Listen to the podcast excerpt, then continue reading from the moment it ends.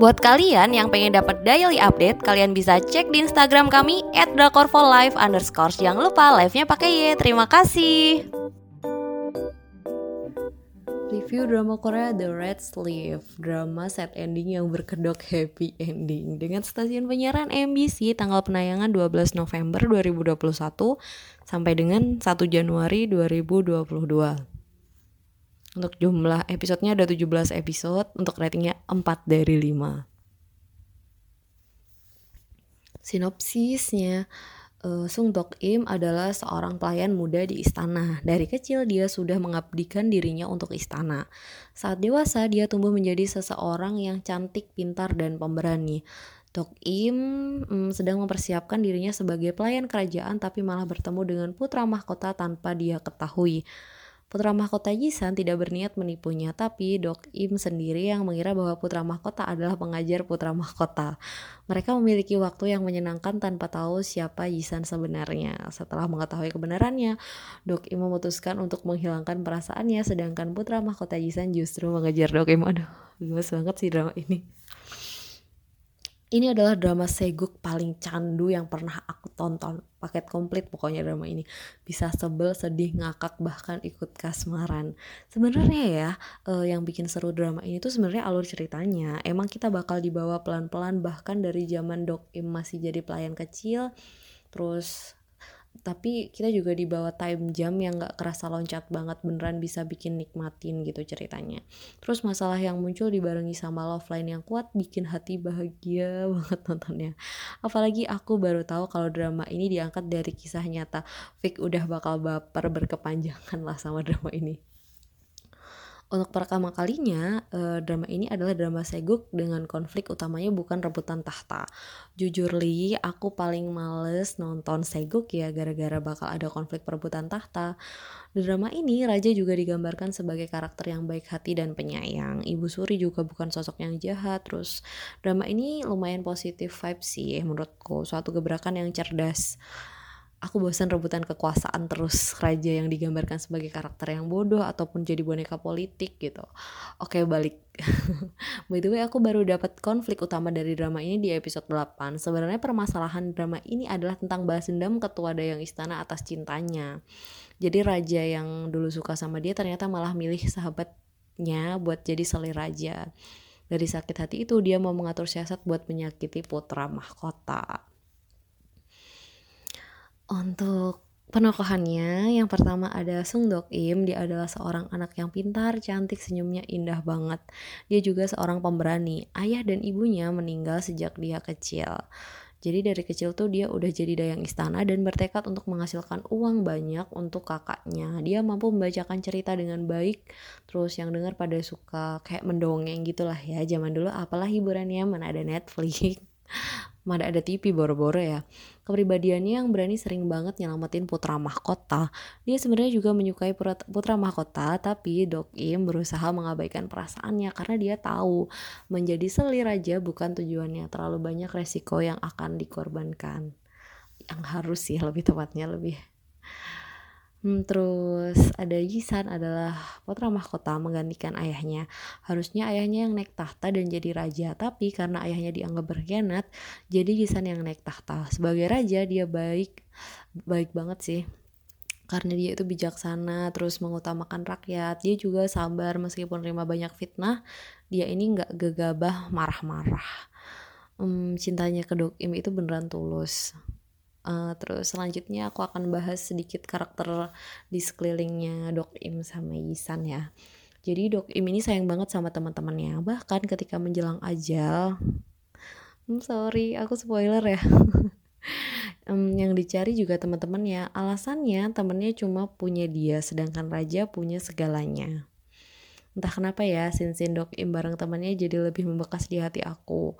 Ada Kim Bo Kyun um, yang cinta mati sama gurunya putra mahkota. Terus ada Bae Kyung Hee yang kesannya paling ketus tapi sebenarnya perhatian. Dan Son Yong Hee di dia tuh si lemah lembut nginget-ngingetin persahabatan mereka pas bikin review ini aja tuh rasanya nyesek banget gitu serius terus ada Nyonya So si Mama Nim yang sayang banget sama Dok Im yang nangisnya paling bikin menyayat hati paling bikin nangis sih terus di sisi putra mahkota ada Hong Dokro. Dia adalah teman putra mahkota dari kecil. Meskipun San tahu kalau temannya ini berbuat kesalahan, dia selalu memaafkannya. Ya karena ngerasa dia ini teman gitu. Ya mungkin gitu ya seharusnya teman. Tapi hmm, sayangnya sekretaris kerajaan itu nggak berpikir sama. San kelihatan sayang banget sama Dokro. Bahkan di akhir karirnya juga. Terus ada my favorite character si pengawal pribadi raja. Dia ini polos dan lucu. Tapi kalau udah ada musuh dia ini yang paling paling tangguh maju duluan ngelindungin raja juga sebenarnya si raja tuh paling deket sama dia ini untuk love line antara putra mahkota Yisan dan Dok Im meresahkan banget gak sih? Putra mahkota selama ini selalu nunjukin perasaannya terang-terangan. Ya ilah, ya iyalah ya, calon raja mau ngapain aja boleh. Sedangkan Dok Im berusaha menyembunyikan perasaannya. Tapi bahasa tubuhnya gak bisa bohong. Tujuan hidupnya tuh jadi dayang istana gitu, bukan selir. Menurutnya menjadi selir adalah sebuah kekangan. Dua kali Yisan melamar Dok Im dan ditolak. Emang ya, Yisan ini nggak pernah mau maksa Dok Im. Manis-manis perih lah menurut aku love line mereka nih beneran bikin candu aku sebenarnya ya nggak terlalu cocok nontonin drama seguk sering banget terlalu berbelit-belit konflik rebutan tahta yang nggak bahagia. Tapi drama ini punya sudut pandang cerita yang nggak biasa. Menurut aku tiap episodenya beneran candu parah. Jujur li aku nggak bisa nyetop nonton drama ini. Apalagi pas udah masuk episode terakhir. Udah jam setengah dua dini hari di episode 16 pas cek episode 17 durasinya ngaco banget dong. Hampir satu jam 40 menit gitu hampir dua jam lah ya. Kalau nggak inget besok mesti harus bangun subuh kayaknya udah aku gas aja tuh kurang satu episode. Serius lah menurut aku tuh pokoknya alur ceritanya nggak karuan kerennya jer uh, penulisnya tuh cerdas banget lah pokoknya. Pantas aja ya ratingnya tuh tembus dua digit. Hmm, drama ini diangkat dari kisah nyata. Tapi tuh gimana ya kisahnya tuh nyesek banget bahkan membekas di perasaanku selesai nonton aku tuh merasa ngerasa masih sedih gitu. Sayangnya cerita ini nggak cuma fiksi semata tapi diangkat dari kisah selir Song Ui Bin. Diceritakan secara garis besar ya mirip sama yang ditampilkan di drama mulai dari kisah cintanya berawal dari Raja Jongjo masih menjadi putra mahkota terus putra mahkota juga diceritakan melamar Dok Im sebanyak dua kali. Tapi yang beda menurut sejarah Dok Im menolak karena ratu belum juga hamil. Kayak sungkan gitu loh. Sedangkan di drama diceritakan kalau Dok Im menolak karena tekadnya menjadi dayang uh, dan tidak ingin terikat sebagai selir. Terus Bab Putra Mahkota meninggal juga benar sesedih itu sih. Emang kalau di drama kita bisa ambil kesimpulan kalau anak Song Ui Bin dan Raja Jongjo cuma dua tapi ternyata tiga jadi hamil pertama anak laki-laki lahirlah putra mahkota terus saat putra mahkota berusia dua tahun Song Ui Bin hamil lagi anak kedua seorang putri tapi kemudian hanya berusia berapa bulan dan meninggal lalu Song Ui Bin hamil lagi putra mahkota uh, maaf maaf hamil lagi saat putra mahkota berusia lima tahun. Sayangnya dalam keadaan hamil Song Ibin dan Raja harus kehilangan putra mahkota karena sakit campak. Hmm, karena nggak kuat akhirnya Song Ibin meninggal dalam keadaan hamil. Sorry for spoiler tapi ini beneran set story yang nggak dibuat-buat. Bahkan waktu syuting pemain dan krunya juga pada nangis.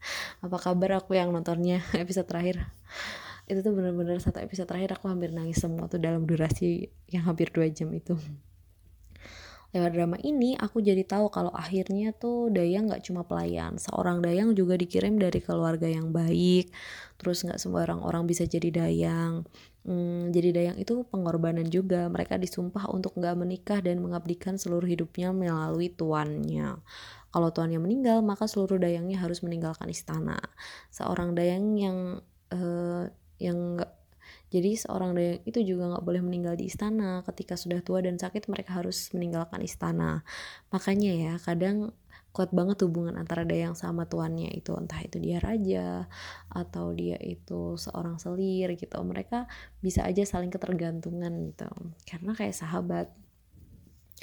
Drama ini banyak banget scene-scenes yang menyentuh hati dibuat lebih ngena dan detail kayak scenes raja hmm, kakeknya putra mahkota Yisan meninggal, terus part mengharukan putri Huawan dan anaknya, terus part anaknya putra mahkota meninggal, part Dok melepas teman-temannya untuk berlibur keluar istana, bener-bener kerasa banget bikin air mata meleleh, keren banget pokoknya bikin cerita ini tuh. Hmm, ending dari drama ini ya harusnya happy ending, tapi enggak sih menurut aku. Ya menurut aku scene berakhir ketika raja berada di ujung kepantiannya. Apalagi setelah cari informasi tentang kisah nyata yang diadapt yang diadaptasi untuk mengembangkan drama ini. Aku tuh jadi ya emang kenyataannya kayak gitu gitu. Sorry ya bakal banyak spoiler. Jadi aku yang bakal aku bacain selanjutnya bakal banyak spoiler. Jadi untuk yang nggak suka spoiler kalian bisa berhenti di sini. Terima kasih. Hmm, yang butuh spoiler dengerin lagi ya. Tapi ya menurut aku sebenarnya tim produksi pengen mengakhiri drama ini dengan bahagia. Meskipun sebenarnya cerita aslinya nggak begitu. Seperti yang dibilang Yesan, entah yang kulihat tadi mimpi atau masa depan. Kita sebagai penonton juga disuruh milih tentang scenes yang mengandung bawang semua itu tuh cuma mimpi atau ya itu adalah kenyataan yang emang endingnya harusnya gitu. Kalau aku, aku ternyata memutuskan apa yang dilihat Gisan adalah kenyataan, sedangkan ending yang bahagia menurut aku cuma tipu daya. Bagiku, Dok Im atau Song Ibin sudah meninggal. Jadi habis nonton drama ini, efeknya aku ikutan gloomy patah hati. Seriously ya, nyeseknya berasa banget. Meskipun gitu, aku bakal nonton lagi sih suatu hari. Jadi itu tadi review drama Korea The Red Sleeve. Terima kasih buat yang udah denger. Sampai jumpa. Buat kalian yang pengen dapat daily update, kalian bisa cek di Instagram kami @drakorfolive. Jangan lupa live-nya pakai Y. Terima kasih.